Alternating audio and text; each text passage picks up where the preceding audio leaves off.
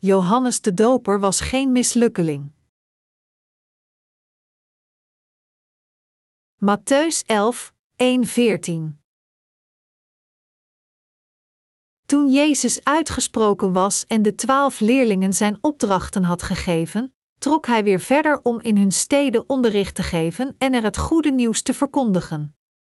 Toen Johannes in de gevangenis over het optreden van de Messias hoorde, stuurde hij enkele van zijn leerlingen naar hem toe, met de vraag: Bent u degene die komen zou of moeten we een ander verwachten? Jezus antwoordde: Zeg tegen Johannes wat jullie horen en zien. Blinden kunnen weer zien en verlamden weer lopen. Mensen met huidvraat worden gereinigd en doven kunnen weer horen. Doden worden opgewekt en aan armen wordt het goede nieuws bekendgemaakt. Gelukkig is degene die aan mij geen aanstoot neemt. Toen ze weer vertrokken, begon Jezus met de mensen over Johannes te spreken. Waar zijn jullie in de woestijn naar gaan kijken? Naar het wuiven van het riet in de wind? Wat zijn jullie dan gaan zien? Een mens die rijk gekleed ging? Wel nee, wie rijk gekleed is, verkeert in koninklijke kringen. Maar wat zijn jullie dan wel gaan zien? Een profeet? Jazeker, zeg ik jullie, en zelfs meer dan een profeet. Hij is degene over wie geschreven staat: Let op, ik zend mijn bode voor je uit, hij zal een weg voor je banen. Ik verzeker jullie, er is onder alle die uit een vrouw geboren zijn nooit iemand opgetreden die groter was dan Johannes de Doper, maar in het koninkrijk van de hemel is de kleinste nog groter dan hij. Sinds de dagen van Johannes de Doper wordt het koninkrijk van de hemel door geweld bedreigd en proberen sommigen er zelfs met geweld beslag op te leggen. Want de profetieën van alle profeten en van de wet reiken tot de dagen van Johannes. En voor wie het wil aannemen, hij is Elia die komen zou. We moeten het ambt van Johannes de Doper begrijpen. Welk ambt heeft Johannes de Doper precies vervuld voor Jezus?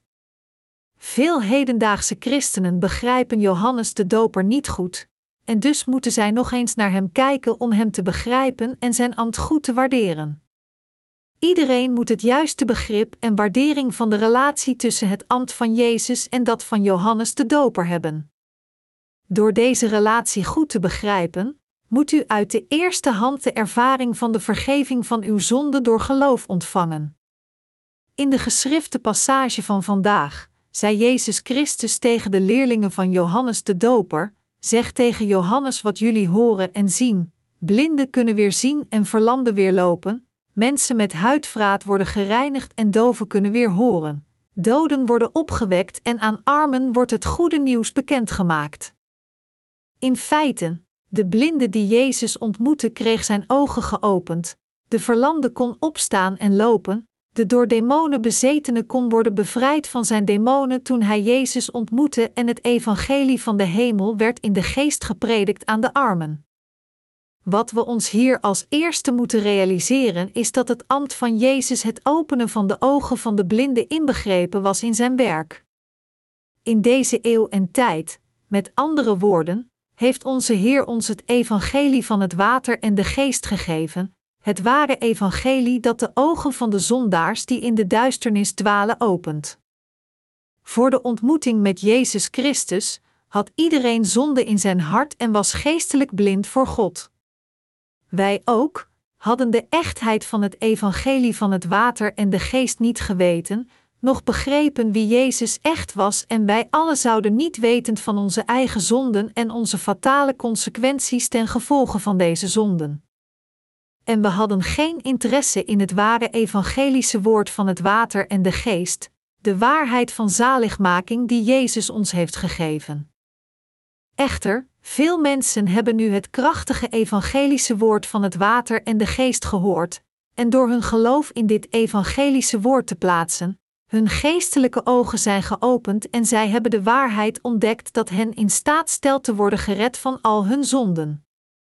Diegenen die weten en geloven in dit onvervalste geloof hebben nu de waarheid van de vergeving van zonden die zij van tevoren niet wisten ontdekt, hun ogen van geloof zijn geopend geworden en ze zijn gekomen om het werk van God te doen. Zoals we met onze ogen van het vlees alles kunnen zien in deze wereld, kunnen we nu de geestelijke wereld helder zien nadat onze geestelijke ogen werden geopend door ons geloof in het evangelie van het water en de geest. Dit is hoe iemand tot het begrip komt dat het ambt van Jezus helemaal voor het ambt van het evangelie van het water en de geest was. Door onze zonden zijn u en ik geestelijk blind en lam geweest, niet in staat zijn Gods ambt te zien nog zijn werk te doen. Met andere woorden, wij waren ook zondaars die zeker veroordeeld zouden worden naar de hel. Echter, Jezus Christus kwam naar deze aarde, werd gedoopt door Johannes de Doper, vergoot zijn bloed aan het kruis en heeft daarmee de werken vervuld die al de zonden van de wereld wegnam.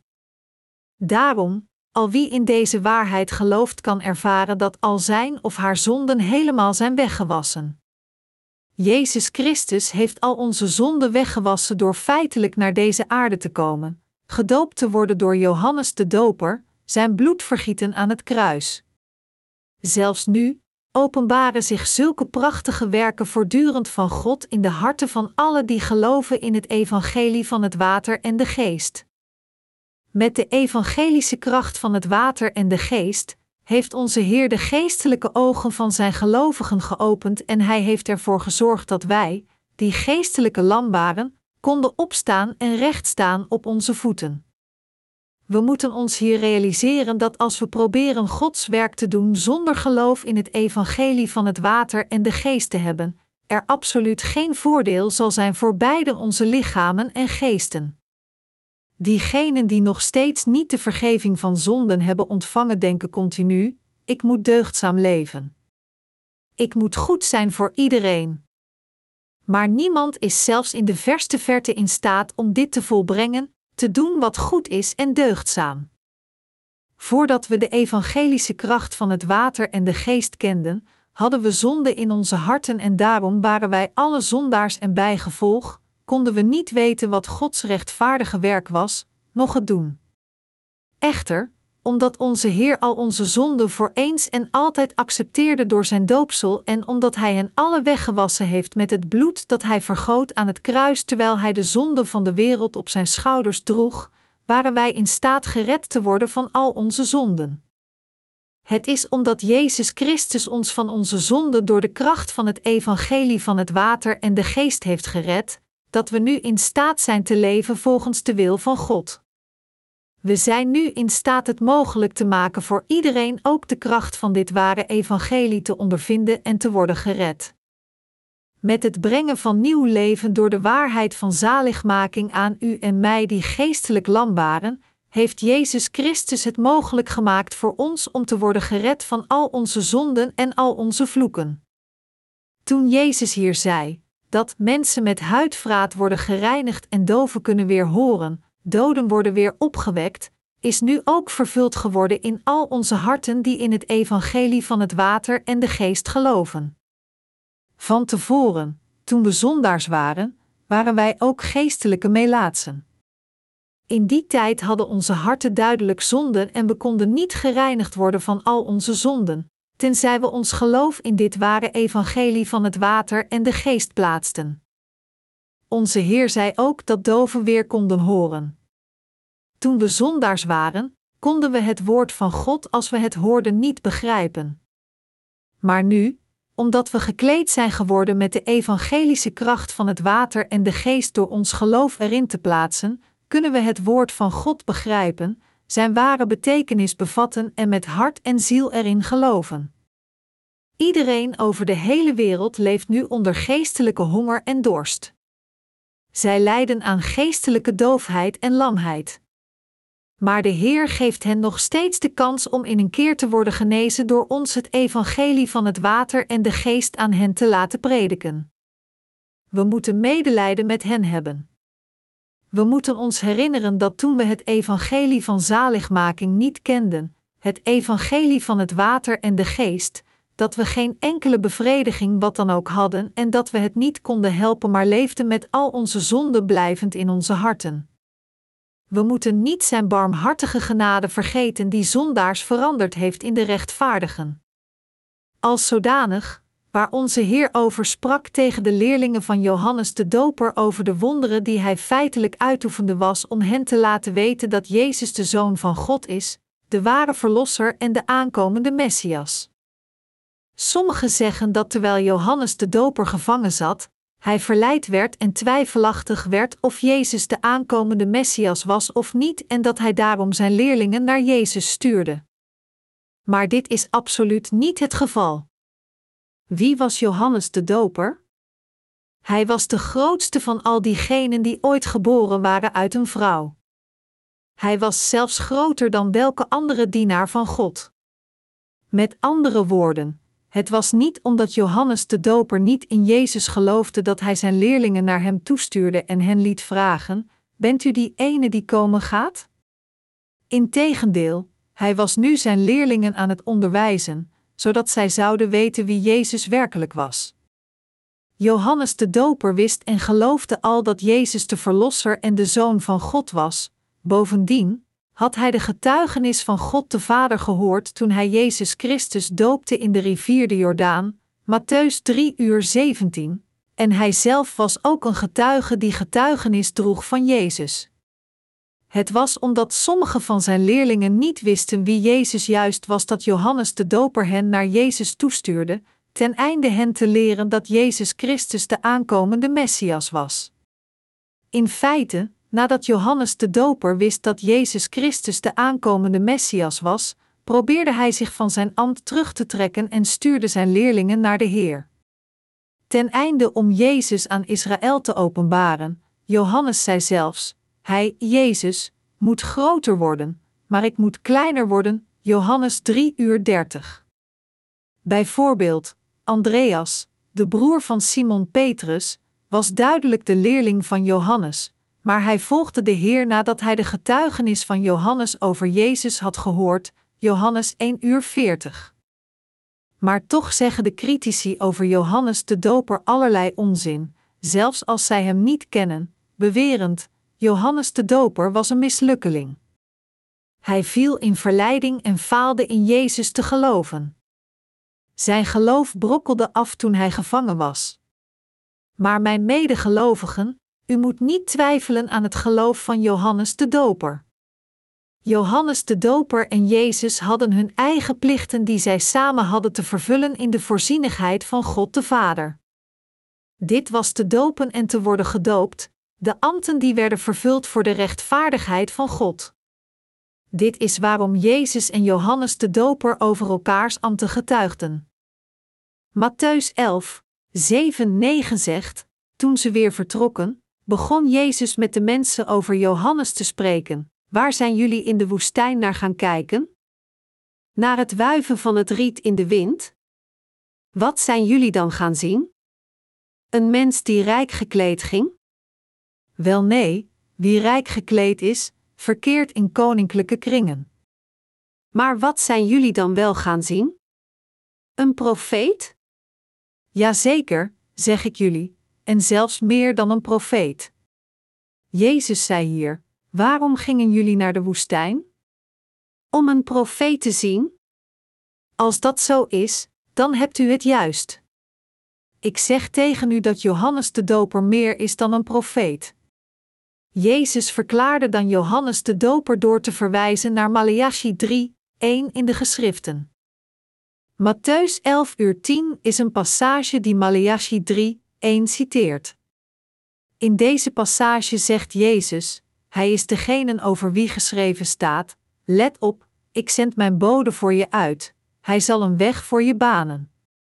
Verwijzend naar de passage geschreven in Maleachi 3, 1, met andere woorden, getuigde Jezus zelf dat Johannes de Doper de boodschapper van God was die gestuurd zou worden voor Jezus zelf. Wie is Gods boodschapper waarover geschreven wordt in Maleachi 3, 1? Het is niemand anders dan Johannes de Doper. Maleachi 4, 5, 6 wijst ook erop dat de boodschapper in Maleachi 3, 1 Ik stuur mijn boodschapper streepje naar niemand anders verwijst dan Johannes de Doper. In Matthäus 11 uur 11 zegt Jezus: Ik verzeker jullie, er is onder alle die uit een vrouw geboren zijn nooit iemand opgetreden die groter was dan Johannes de Doper, maar in het koninkrijk van de hemel is de kleinste nog groter dan hij. Waarom zei de Heer dit tegen ons? Waarom zei hij dat Johannes de Doper de grootste was die ooit uit een vrouw geboren is? Jezus vertelt ons hier dat Johannes de Doper de boodschapper van God was voorspeld in het Oude Testament en dat hij de vertegenwoordiger van de mensheid was. Deze passage gaat verder met een andere moeilijke frase: maar in het koninkrijk van de hemel is de kleinste nog groter dan hij. Vele valse leraars beoordelen Johannes de Doper als een mislukking door deze frase. Zij zeggen: omdat Johannes twijfelachtig was over Jezus als zijnde de Messias, werd hij als de laagste door de Heer geëvalueerd. Maar dit is absolute nonsens. Eerder, wat Jezus hier feitelijk zegt, is dat alhoewel Johannes de Doper de vertegenwoordiger van de mensheid was, geestelijk gesproken, was hij een nederig man die niet vergeleken kon worden met diegenen die Gods eigen kinderen zijn geworden. Met andere woorden, alhoewel Johannes de Doper de vertegenwoordiger van alle menselijke wezens in het vlees was, hij niet vergeleken kon worden met de wedergeborenen. Eigenlijk was Johannes vanuit menselijk oogpunt de grootste. Hij werd opgevoed als een Nazireër en leefde een ascetisch leven in de wildernis, sprinkhanen en wilde honing etend. Vanuit het oogpunt van menselijke rechtvaardigheid was hij zeker de grootste. Maar deze menselijke rechtvaardigheid heeft geen nut als het vergeleken wordt met de rechtvaardigheid van God, welke aan iedereen is gegeven die zijn koninkrijk kan binnengaan door geloof. En omdat diegenen die de mensen van het koninkrijk van de hemel zijn geworden door in het evangelie van het water en de geest te geloven de rechtvaardigheid van God hebben ontvangen, zijn zij groter dan iedereen die alleen vertrouwt op zijn eigen rechtvaardigheid. Iemand kan de vertegenwoordiger van de mensheid in het vlees op deze aarde worden, maar hij is kleiner dan diegenen die Gods mensen zijn geworden door in het evangelie van het water en de geest te geloven. Daarom, toen Jezus zei: Sinds de dagen van Johannes de Doper wordt het koninkrijk van de hemel door geweld bedreigd en proberen sommigen ze zelfs met geweld beslag op te leggen. Hij zei dit omdat Johannes de Doper hem meteen had gedoopt en daarbij de zonde van de wereld aan hem doorgaf. Als zodanig was Johannes de Doper de laatste hoge priester en profeet van het Oude Testament en zijn ambt eindigde toen hij Jezus doopte en getuigenis van hem droeg. Jezus vertelt ons, met andere woorden, dat alles uit het Oude Testament eindigde met zijn eigen optreden en het optreden van Johannes de Doper en met Johannes, ambt het doopsel van Jezus. Anders gezegd, vanaf het moment dat Johannes de Doper en Jezus naar deze aarde kwamen, werd de gerechtigheid van God vervuld. Het was omdat Jezus naar deze aarde kwam en werd gedoopt door Johannes dat het tijdperk van het Nieuwe Testament vanaf dat moment werd geopend. Dit tijdperk van het Nieuwe Testament is het tijdperk van de evangelische kracht en het is een era waarin iedereen die gelooft in het evangelie van het water en de geest de vergeving van zonde kan ontvangen en Gods eigen kind kan worden. Het tijdperk van het Oude Testament duurde tot de dagen van Johannes de Doper, toen Jezus Christus naar deze aarde kwam en de zonde van de mensheid met zijn doopsel op zich nam, zijn bloed vergoot en al onze zonden kwijtschot, vanaf dat moment vlogen de poorten van de hemel open voor iedereen die in deze waarheid geloven. Toen Jezus al de zonden van iedereen op deze wereld op zich nam door te worden gedoopt, is het tijdperk van het Nieuwe Testament begonnen. Heel het woord van voorspelling in het Oude Testament werd vervuld door Johannes de Doper en Jezus Christus. Jezus Christus accepteerde de zonde van de mensheid voor eens en altijd door te worden gedoopt door Johannes de Doper, vergoot zijn bloed aan het kruis en heeft daardoor al de zonden van de wereld uitgewist. Dit is waarom onze Heer zei dat sinds de dagen van Johannes de Doper tot nu het koninkrijk van de hemel geweld wordt aangedaan.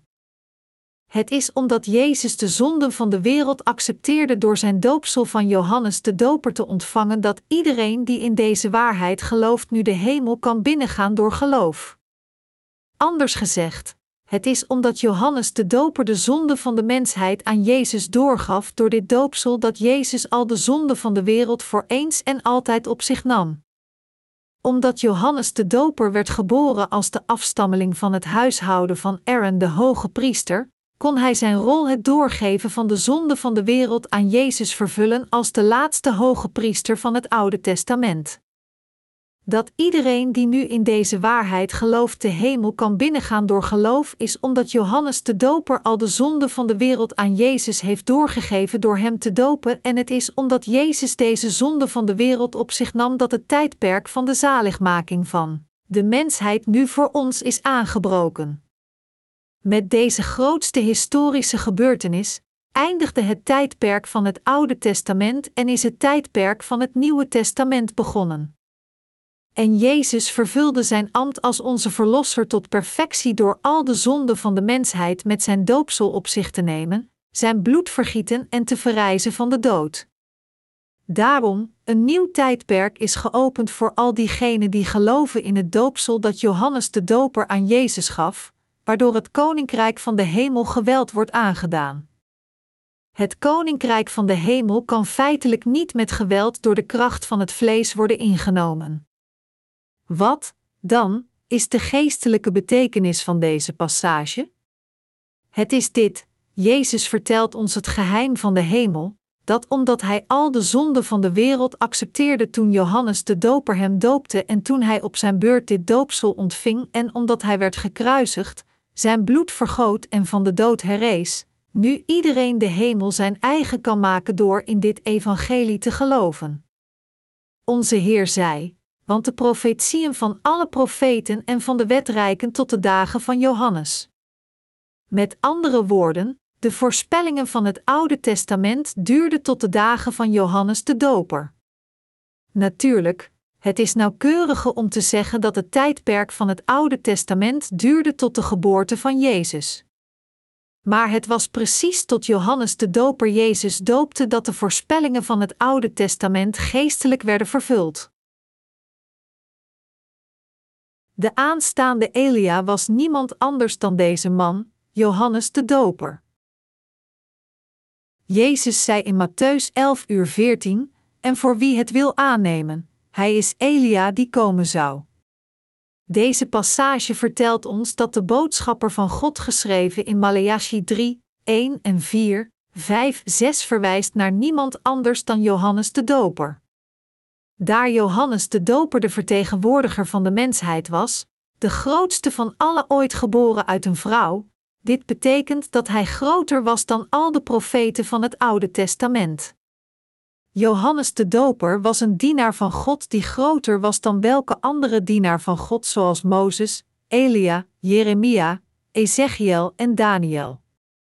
Toen hij naar deze aarde kwam, vervulde hij de rol van een profeet en als de vertegenwoordiger van de mensheid, vervulde hij ook zijn rol als de laatste hoge priester van het Oude Testament. Het was omdat Johannes de Doper Jezus in de rivier de Jordaan doopte dat al de zonden van de mensheid voor eens en altijd aan Jezus werden doorgegeven. Al de voorspellingen van het Oude Testament, met andere woorden, werden voor eens en altijd vervuld door het ambt van Johannes de Doper en het ambt van Jezus. Daarom, iedereen moet zich realiseren en geloven dat de rol van Johannes de Doper absoluut onontbeerlijk was voor het werk van de zaligmaking van de mensheid. Het was het ambt van Johannes de Doper dat een helpende rol speelde toen Jezus Christus het evangelie van het water en de geest aan het vervullen was. Ieder van ons moet zich realiseren dat het was door het ontvangen van zijn doopsel van Johannes de Doper dat Jezus de voorspellingen van het Oude Testament vervulde. In zoverre wat Gods voorspelling van de zaligmaking van de mensheid betreft, moeten we alle weten en geloven, zonder falen, hoe diepzinnig deze waarheid is. Wat ik u hier aan het uitleggen ben, is de relatie tussen het ambt van Jezus en dat van Johannes de Doper. Met noodwendigheid, deze ambten van Jezus en Johannes de Doper moesten de wil van God de Vader in harmonie vervullen. En had Johannes de Doper niet getuigd dat Jezus de Verlosser was en had hij niet de zonde van de wereld aan hem doorgegeven door hem te dopen, dan had Jezus niet zijn ambt kunnen vervullen dat al de zonden van de wereld uitwiste.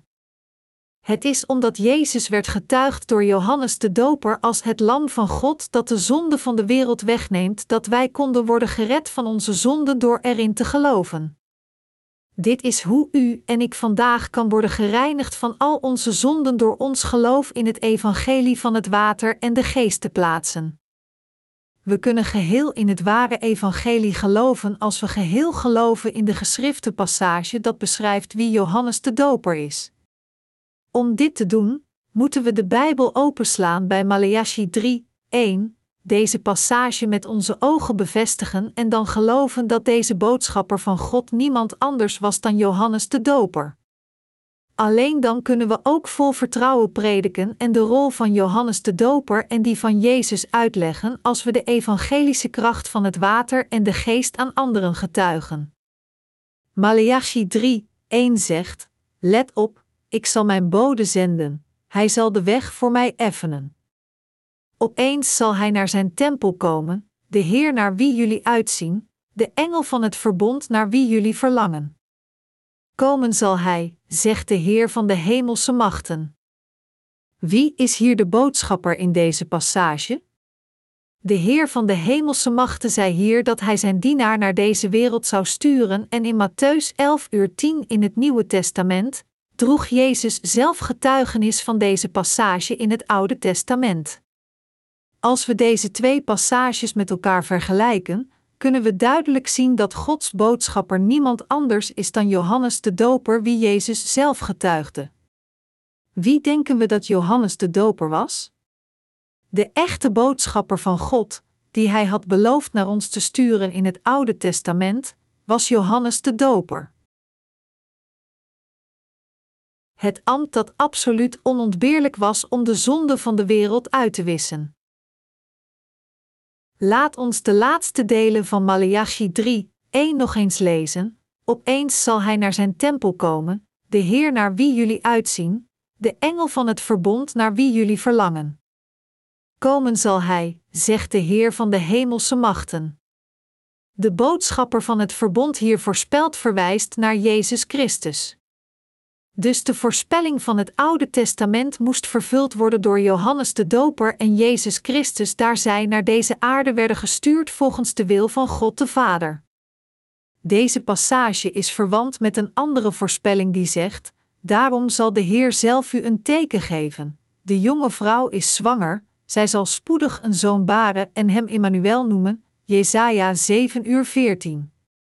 Ergens anders in Jesaja 53, 5 staat geschreven: Om onze zonden werd hij doorboord, om onze wandaden gebroken. Voor ons welzijn werd hij getuchtigd, zijn striemen brachten ons genezing. Dit vertelt ons dat Jezus Christus, de Zoon van God beloofd in het Oude Testament, naar deze aarde zou komen en al de zonden van de mensheid zou reinigen zo wit als sneeuw. God zei verder in Maleachi 3, 2, 3: Wie zal die dag kunnen doorstaan? Wie zal overeind blijven wanneer hij verschijnt? Hij is als het vuur van een smid, als het loog van een wolwasser. Hij zal zitting houden als iemand die zilver smelt en het zuivert, de zonen van Levi zal hij zuiveren en zeven als goud en zilver, en dan zullen ze op de juiste wijze offeren aan de Heer.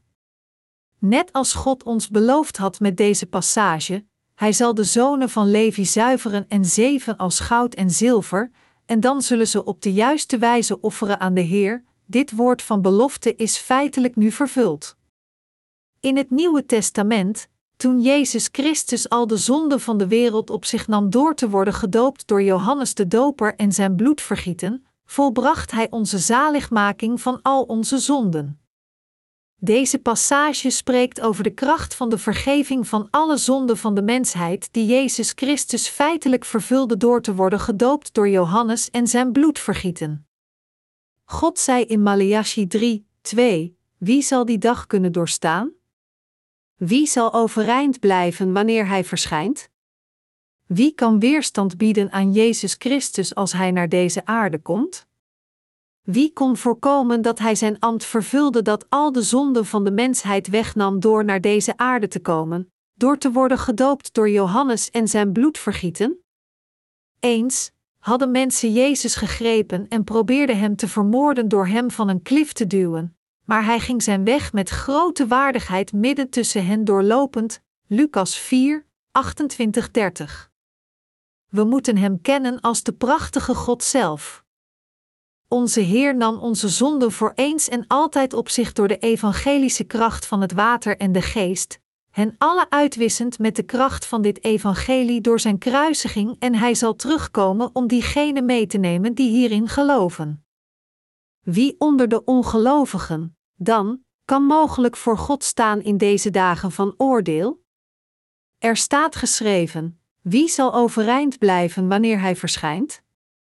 Alleen diegenen die de vergeving van zonden hebben ontvangen door in het evangelie van het water en de geest te geloven kunnen voor hem staan. Niemand anders kan voor hem staan.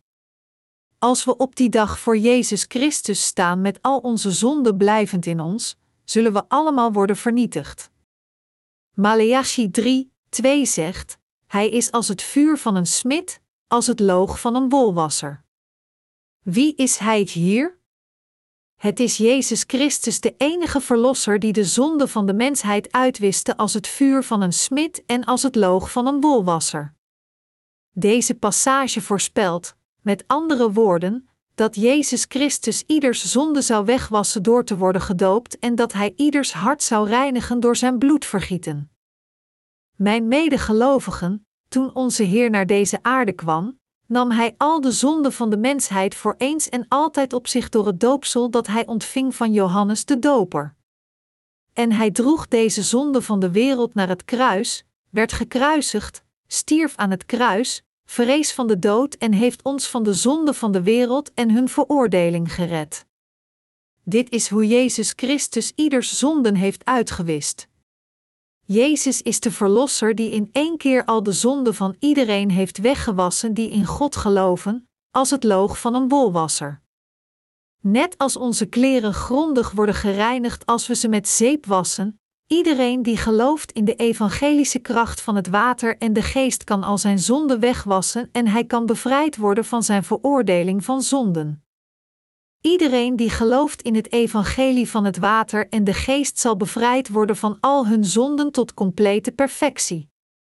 Toch ondanks dit hebben ontelbare christenen nog steeds zonde in hun harten, hoewel zij beleiden in Jezus Christus te geloven als hun verlosser, want zij kennen de evangelische kracht van het water en de geest niet.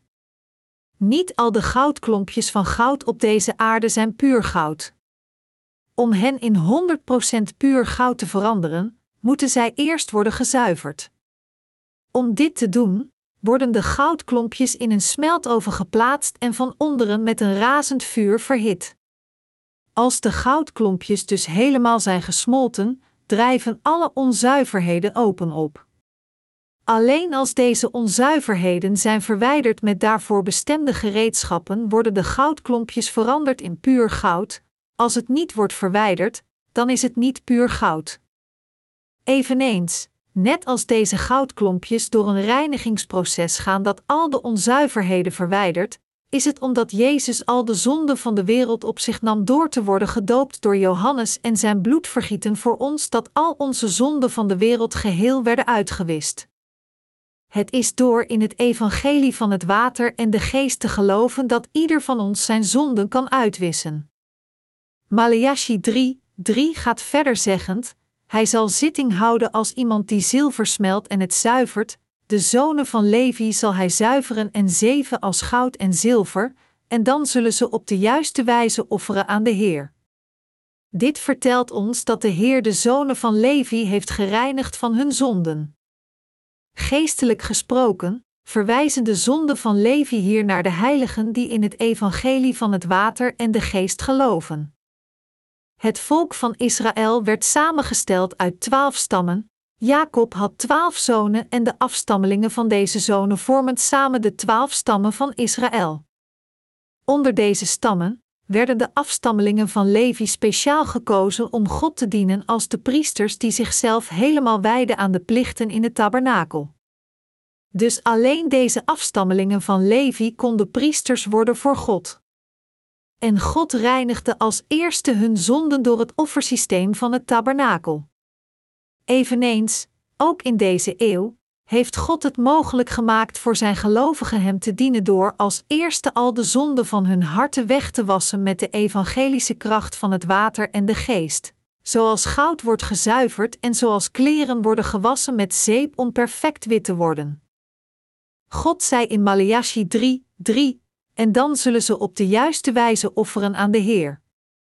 Onze Heer kwam naar deze aarde en samen met de hulp van Johannes de Doper, accepteerde Hij onze zonden door te worden gedoopt, vergoot zijn bloed en heeft hen daarmee allemaal uitgewist. Johannes de Doper gaf al de zonden van de mensheid in één keer aan Jezus door, door hem te dopen en Jezus Christus, door deze zonde voor eens en altijd door dit doopsel van Johannes de Doper te accepteren, te sterven aan het kruis en te verrijzen van de dood, heeft perfect al de zonden van de mensheid weggewassen. Iedereen in deze wereld die gelooft in God en in deze evangelische kracht van het water en de geest, ongeacht of hij ontoereikend is of niet, kan compleet bevrijd worden van al zijn zonden door de kracht van het doopsel en bloedvergieten van onze Heer. Omdat Jezus werd gedoopt en zijn bloed vergoot voor ons, kon hij al onze zonden tot perfectie wegwassen. Door te worden gedoopt door Johannes en zijn bloed vergieten, heeft Jezus de zonden van de mensheid weggewassen alsof zij werden uitgebleekt. Onze Heer heeft al onze zonden weggewassen als wit als sneeuw, net zoals kleren met zeep worden gewassen. Onze Heer, met andere woorden, heeft al onze zonden voor eens en altijd gereinigd met het evangelie van het water en de geest. Onze Heer kwam naar deze aarde en nam onze zonde op zich door te worden gedoopt door Johannes de Doper. Om zo te geloven suggereert niet dat Johannes de Doper een andere verlosser is voor ons. Johannes de Doper was de laatste profeet van het Oude Testament en de vertegenwoordiger van de mensheid. Hij was de laatste aardse hoge priester die gestuurd werd naar deze wereld om heel het woord van voorspelling in het Oude Testament te vervullen en speciaal de voorspelling over de aankomende Elia. Toen Johannes de Doper, die zes maanden eerder voor de komst van Jezus Christus naar deze aarde kwam, het doopsel aan Jezus gaf, werden al de zonden van deze wereld aan hem doorgegeven. Daarom, al de voorspellingen in het Oude Testament over Jezus werden perfect vervuld met het verschijnen van Johannes de Doper, het doopsel dat hij aan Jezus gaf, door de kruisiging, dood en verrijzenis van Jezus Christus. Toen Jezus naar deze aarde kwam, heeft Hij perfect al de zonden van de mensheid uitgewist door hen met zijn doopsel te accepteren. Door de zonden van de wereld op zich te nemen, te sterven aan het kruis en van de dood te verrijzen, is Jezus onze perfecte Verlosser geworden. Nu kan iedereen die in deze waarheid gelooft gered worden van al zijn zonden. En door dus onze Verlosser te worden, heeft Jezus de wil van God de Vader volmaakt vervuld. We moeten alle de waarheid weten dat het was door de helpende rol van Johannes de Doper dat Jezus de zonde van de wereld op zich nam. Ieder van ons moet zich realiseren hoe onontbeerlijk de rol van ambten van Johannes de Doper en Jezus was voor onze vergeving van zonden en we moeten hierin geloven. Bovendien moeten we ook erkennen en geloven dat het was om al de zonden van de mensheid uit te wissen dat hij werd gedoopt door Johannes de Doper. We moeten geloven dat het was omdat Jezus werd gedoopt door Johannes de Doper dat hij zijn bloed kon vergieten aan het kruis en daarmee al onze zonden heeft weggewassen. In het evangelie van het water en de geest wordt de vervulling van de voorspellingen van het Oude Testament en de voorzienigheid van zaligmaking dat de wil van God de Vader vervulde gevonden. Het evangelie van het water en de geest brengt de onontbeerlijke rol van Johannes de Doper met zich mee en dit evangelie belichaamt de waarheid dat door deze rol van Johannes de Doper, Jezus heel het woord van het Oude Testament volbracht en is daardoor, voor eens en altijd, de perfecte verlosser voor al diegenen die hierin geloven geworden. Samen met deze rol van Johannes de Doper, met andere woorden, heeft Jezus Christus al de beloftes van het Oude Testament vervuld.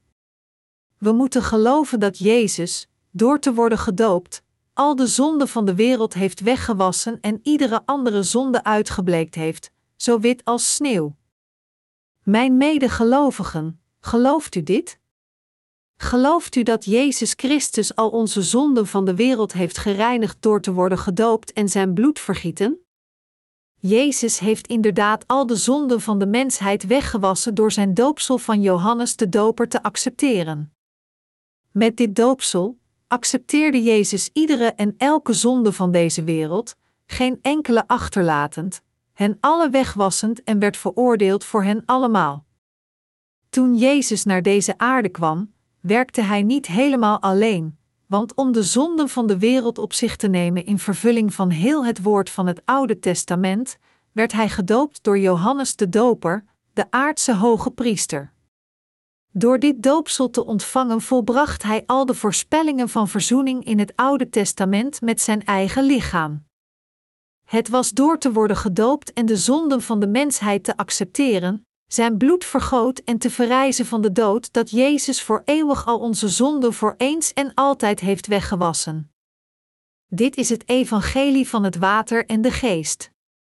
Met dit evangelie van het water en de geest heeft Jezus al de zonden van iedere ware gelovige uitgewist. Door zijn doopsel accepteerde Jezus alle de zonden van deze wereld zonder enige uitzondering, droeg hen alle naar het kruis en vergoot zijn bloed tot de dood om te worden veroordeeld voor deze zonden. Vrees weer van de dood en heeft daarmee al onze zonden voor eens en altijd gewassen zo wit als sneeuw. Gelooft u dit allemaal? In Matthäus 11, toen Johannes de Doper zijn leerlingen naar Jezus had gestuurd, beantwoordde hij hun vragen en stuurde hen terug naar Johannes en toen zei hij het volgende tegen de mensen: Waar zijn jullie in de woestijn naar gaan kijken? Het riet? Een mens die rijk gekleed ging? Of een profeet? Ja, u zult mijn profeet die ik heb gestuurd zien. Hij is niemand anders dan Johannes de Doper. Hij is de grootste van al diegenen ooit geboren uit een vrouw. Hij is de vertegenwoordiger van de mensheid. Maar in het koninkrijk van de hemel is de kleinste nog groter dan hij. Johannes de Doper is de vertegenwoordiger van de mensheid, maar als hij voor God komt met alleen zijn rechtvaardigheid, is hij kleiner dan iedereen van de wedergeborenen. Jezus zei toen: Sinds de dagen van Johannes de Doper wordt het koninkrijk van de hemel door geweld bedreigd en proberen sommigen er zelfs met geweld beslag op te leggen. Sinds de dagen van Johannes de Doper tot nu, heeft het koninkrijk van de hemel onder geweld geleden en onze Heer zei vervolgens, en sommigen proberen er met geweld beslag op te leggen. Deze passage betekent niet dat de machtigen de bewakers van de hemel in elkaar slaan, de poorten openbreken en zichzelf met geweld toegang verschaffen. Nu is de tijd dat het evangelie van het water en de geest zijn volledige kracht moet tonen. Niemand kan het koninkrijk van de hemel binnengaan behalve de wedergeborenen die gereinigd zijn van al hun zonden door in het evangelie van het water en de geest te geloven. Johannes 3, 5. Anders gezegd, we kunnen het koninkrijk van God alleen binnengaan door in dit evangelische ambt van het water en de geest te geloven. Dit is waarom Jezus zegt dat de tijd om de hemel binnen te gaan begon vanaf de dagen van Johannes de Doper omdat Johannes de Doper al de zonde van de mensheid aan Jezus doorgaf door hem te dopen, Jezus hen inderdaad alle accepteerde en vanwege dit, onze Heer al onze zonde accepteerde, hen alle wegwaste en heel hun veroordeling naar het kruis droeg. Iedereen die in deze waarheid gelooft, zal zijn vergeving van zonden ontvangen, precies omdat hij dit gelooft, en hij zal de hemel binnengaan door dit geloof. Wat Jezus ons hier zei suggereert volstrekt niet dat de hemel een plaats is waar alleen de machtigen van het vlees kunnen binnengaan. Verre van dien, hij wilde ons vertellen dat alleen de mensen van geloof die in het evangelie van het water en de geest geloven de hemel kunnen binnengaan. Mensen die niet de evangelische kracht van het water en de geest kennen, zijn bedenkelijk over de passage van Matthäus 11 uur 12, welke zegt: Sinds de dagen van Johannes de Doper wordt het koninkrijk van de hemel door geweld bedreigd en proberen sommigen er zelfs met geweld beslag op te leggen. Ze zijn over dit onthutst, denkend: zijn de geweldenaren niet plunderaars? Als hier wordt gezegd dat het koninkrijk van de hemel geweld wordt aangedaan, verwijst dit naar ons moedig geloof in de rechtvaardigheid van God dat ons in staat stelt de hemel als het onze te nemen. Het vertelt ons, met andere woorden, dat diegenen die geloof in de evangelische kracht van het water en de geest hebben de hemel het hunne kunnen maken. Het is door te geloven in het evangelie van het water en de geest voor God en alleen door dit geloof, dat we het koninkrijk van de hemel kunnen veranderen in het onze. We kunnen de hemel niet binnengaan met onze eigen rechtvaardigheid. Als we voor God moeten staan met alleen onze eigen verdiensten en gebreken, kan niemand voor ons erop recht staan. Echter, als we ons met Zijn perfecte rechtvaardigheid omkleden door in het evangelie van het water en de geest te geloven, dan kunnen we moedig genoeg zijn de hemel binnen te gaan en voor God te staan. Galaten 3 uur 27. Iedereen die gelooft in het evangelische woord van het water en de geest kan de hemel zijn eigen maken. Hoe zit het dan met u? Wilt u niet het koninkrijk van de hemel uw eigen maken, door uw geloof in het evangelie van het water en de geest te plaatsen? Heeft u geloofd in het evangelie van het water en de geest tot nu?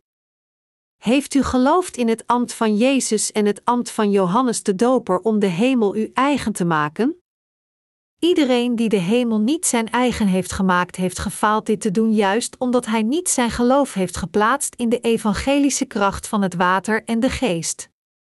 U moet in deze waarheid geloven. De waarheid die u in staat stelt de hemel binnen te gaan is geen andere dan het evangelie van het water en de geest. Geloof in dit evangelie van het water en de geest is de essentie van het christelijke geloof want wij werden gerechtvaardigd door geloof en door geloof alleen.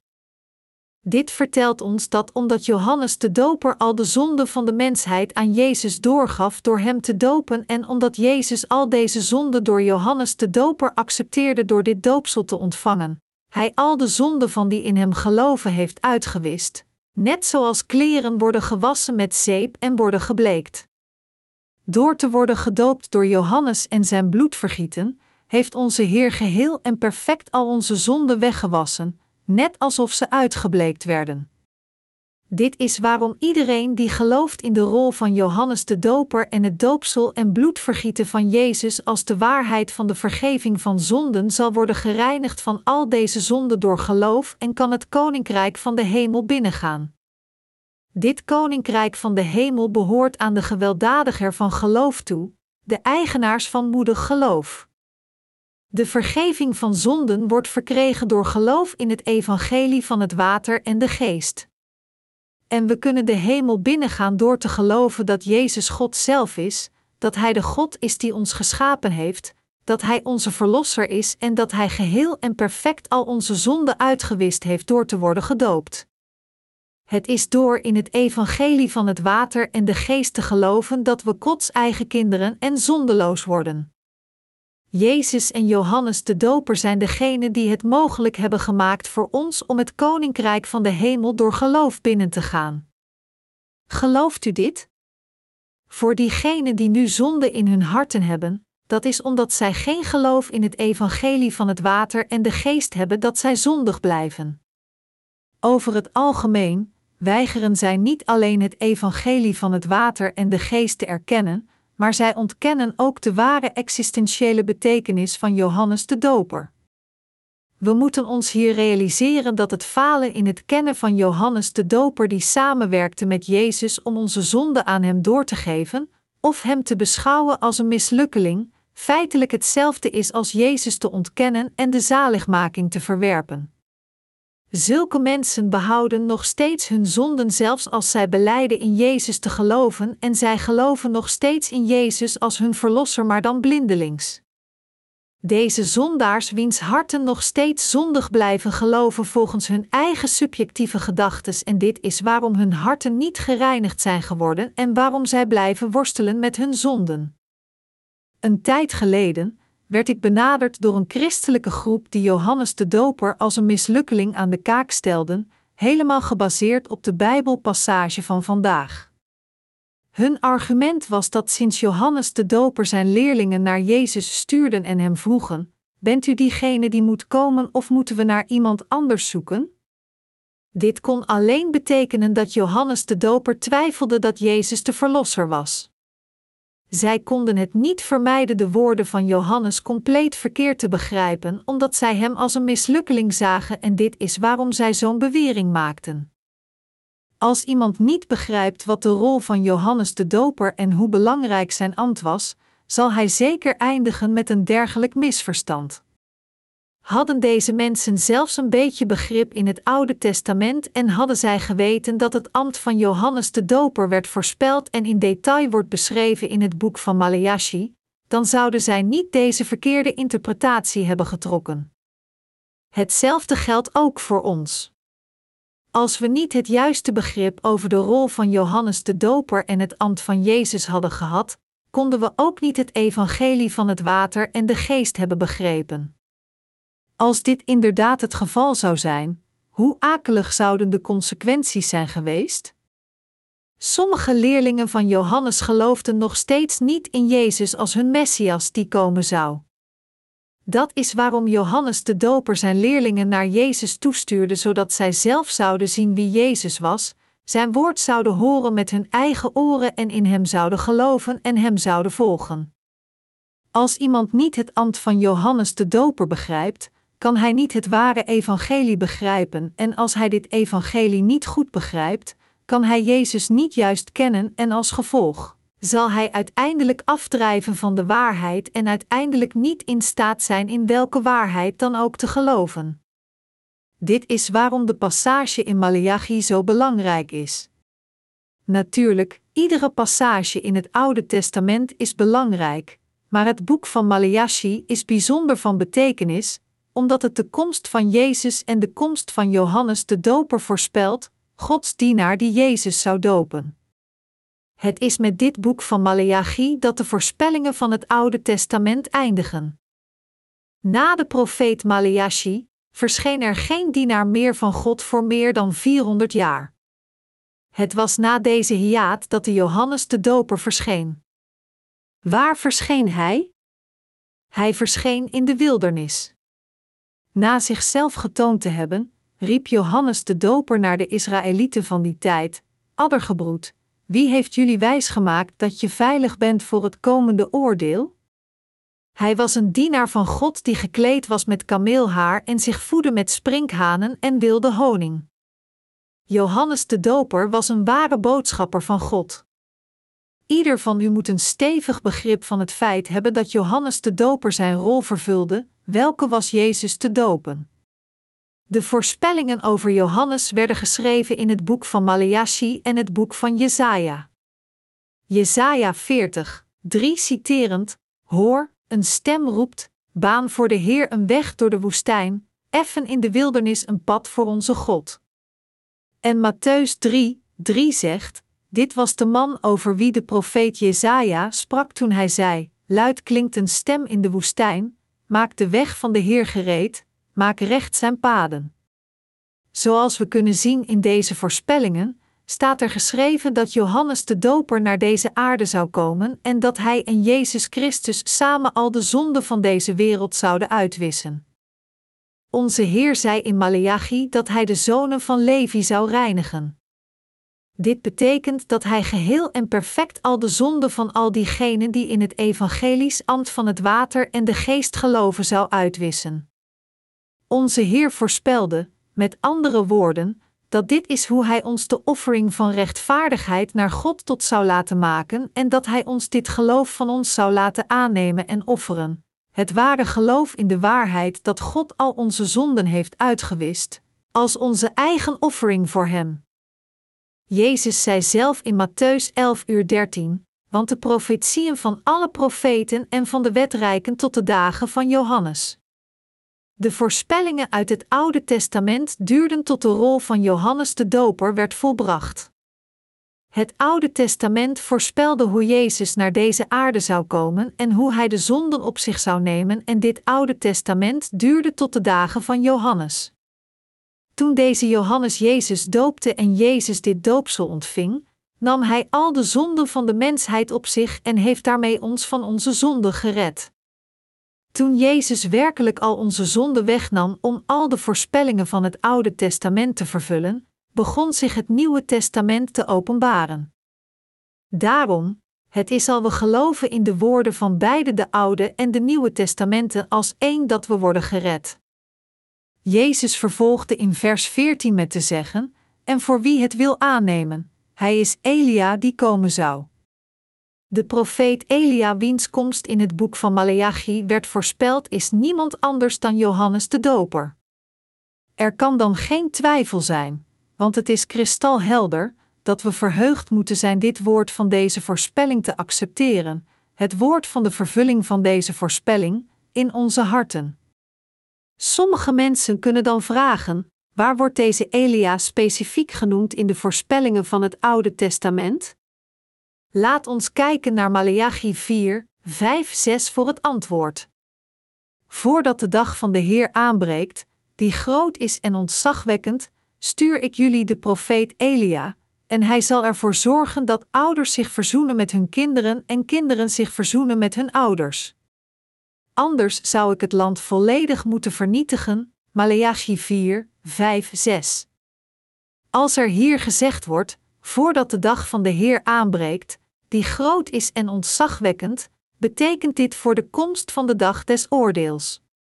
Dus God zei hier dat hij deze Elia zou sturen voor de komst van de dag des oordeels en in Matthäus 11 uur 14, anderzijds, zei Jezus, en voor wie het wil aannemen, hij is Elia die komen zou. Beide passages spreken over precies dezelfde Elia die komen zou. Wie is hij dan waar Jezus hierover sprak? Het is definitief Johannes de Doper. Het Oude Testament gaat over het woord van voorspelling en belofte en het Nieuwe Testament gaat over de vervulling van dit woord van voorspelling en belofte. Net zoals God had beloofd Elia te sturen, werd Johannes de Doper zes maanden eerder op deze wereld geboren voordat Jezus werd geboren. Bovendien werd hij geboren door het fantastische werk van Gods voorzienigheid. Johannes werd niet zomaar geboren in een gewone familie, maar hij werd geboren in het huis van de hoge priester. Zijn vader, Zacharia, was een afstammeling van Aaron, Lucas 1, 5. Dit betekent dat Johannes de Doper zelf ook behoorde tot het huis van Aaron, de hoge priester. Onze Heer is de God die feitelijk alles vervult dat Hij belooft aan Zijn dienaren precies volgens Zijn beloftes, en, trouw aan Zijn beloftes, begon Hij Zijn werk van zaligmaking met de geboorte van Johannes de Doper, net zoals Hij had beloofd in het Oude Testament. In het boek van Leviticus in het Oude Testament had God de mensen van Israël beloofd dat hij hun zonden zou vergeven als de hoge priester hun zonde daar gaf aan het offerdier door zijn handen op het hoofd te leggen, zijn keel door te snijden en zijn bloed af te tappen, dit bloed op de hoorns van het brandofferaltaar zou doen en het op de grond uitschudt, het bloed in het meest heilige van het heiligdom van God brengt en het in het oosten van de ark van getuigenis sprenkelt, Leviticus 16. God had beloofd dat dit het was hoe de zonden van de mensheid zouden worden vergeven. Precies volgens deze voorspelling kwam inderdaad Jezus Christus naar deze aarde, accepteerde onze zonde door Johannes de Doper te worden gedoopt, werd veroordeeld voor onze zonde door te sterven aan het kruis en heeft daarmee al onze zonden schoongewassen. Door al deze dingen te doen, is Hij onze Verlosser geworden. Waar zijn jullie in de woestijn naar gaan kijken? Om riet te zien? Een mens die rijk gekleed ging? Of om een profeet te zien? U heeft gelijk als u ging om een dienaar van God te zien. Daar in de woestijn is de vertegenwoordiger van de mensheid en in deze woestijn bent u in staat Johannes de Doper te zien, de grootste van alle mensen. Hij is niemand anders dan Elia. Ik had u beloofd mijn dienaar Elia te sturen, en deze Elia is Johannes de Doper. Het is Johannes de Doper die Elia's rol vervult. Johannes is Gods dienaar die iedereen in staat stelt zijn koninkrijk binnen te gaan door hen alle samen te brengen bij mij en tegen hen alle te getuigen. Jezus Christus is de Zoon van God, de Verlosser die al de zonden van de mensheid accepteerde, aan het kruis stierf, van de dood verrees en heeft daarmee de mensen van hun zonden gered. Hij is de Messias. Toen Johannes de Doper naar deze aarde kwam, vervulde hij twee belangrijke ambten. Hij gaf onze zonden door aan Jezus Christus en hij droeg getuigenis van onze Verlosser. Hoe fantastisch zijn deze ambten? Door de hulp van Johannes de Doper was Jezus in staat het woord van belofte te vervullen. We kunnen ons nu realiseren dat het was door Johannes de Doper dat Jezus heel het woord van het Oude Testament vervulde, dat Johannes, getuigenis bevestigde hoe Jezus heel het woord van het Oude Testament kon vervullen en dat God naar waarheid onze zaligmaking volbracht door de ambten van Jezus en Johannes de Doper. Door Johannes de Doper kunnen we begrijpen dat Hij en Jezus de belofte van God vervulden. Gelooft u dit? Dit is waarom we als we het evangelie van het water en de geest prediken, de rol van Johannes de Doper niet weg kunnen laten. Als iemand zegt dat Johannes de Doper een mislukkeling was, of zijn betekenis onderschat, dan is hij nog een dienaar van God, nog een van zijn mensen. Mijn medegelovigen, door te worden gedoopt en zijn bloed vergieten, heeft Jezus al onze zonden schoongewassen. U alle weet waarschijnlijk wat het betekent te bleken, zeker als u een vrouw bent. Als u uw was doet, wat gebeurt er als u bleekmiddel gebruikt om uw kleren te wassen? Ze worden schitterend wit. Dit wordt bleken genoemd. Voor het hedendaagse Korea gebruikten mensen loog om zwaar bevuilde kleren te wassen. In die dagen droegen de Koreanen alleen witte gewaden, zoveel zelfs dat Korea het land van witte gewaden werd genoemd. Deze witte gewaden werden natuurlijk smoeselig met de tijd en werden eerder gelig. Ze staken deze gewaden dan in een grote pot met wat loog als bleekmiddel en kookten hen. Na dit namen zij de gewaden eruit en werden ze opnieuw gewassen met zeep, hen met een stuk hout slaand. De gewaden werden dan weer zoveel mogelijk wit.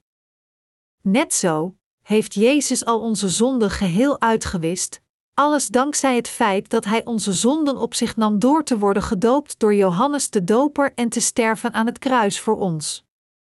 Hij heeft ze helemaal uitgewist, zodat er niets meer te verwijderen is. Hij heeft onze zonden perfect en voor eeuwig uitgewist. Dit is hoe Jezus onze Verlosser is geworden. Dit is waar de extreem belangrijke passage van Matthäus 11, 1-14 over gaat. Als we feitelijk het evangelie aan andere zielen getuigen, vliegen we vaak over deze passage op een vluchtige manier, maar ik geloof dat u een gedetailleerd begrip van deze passage moet hebben zodat uw geloof nog meer in uw harten kan worden versterkt.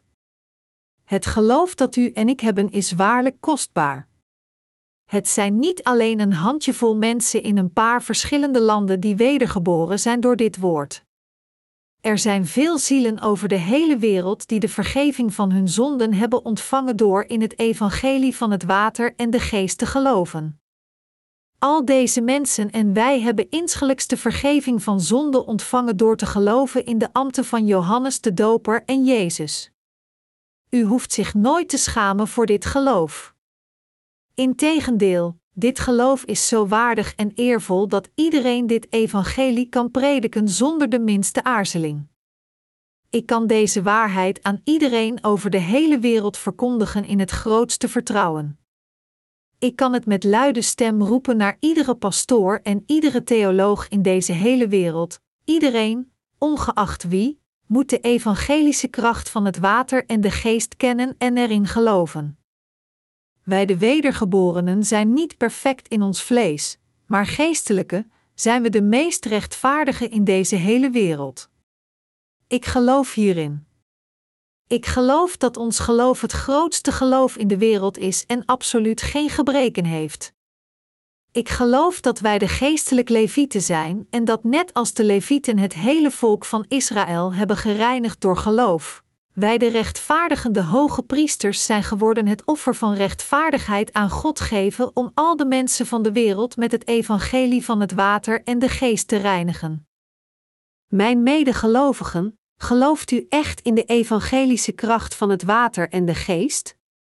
Dit ware geloof aan God aan te bieden is om Hem ons juiste en pure offergave aan te bieden. Dit geloof in de evangelische kracht van het water en de geest is het geloof dat ons in staat stelt de hemel als het onze te nemen. Het is dit geloof dat ons kan veranderen in de instrumenten van rechtvaardigheid, en het is dit geloof dat het mogelijk maakt voor ons om Gods werkers te worden. Dit soort van geloof is de juiste offergave aan God. Ik geef heel mijn dankbaarheid aan God door ons zo'n geloof in het evangelie van het water en de geest te geven.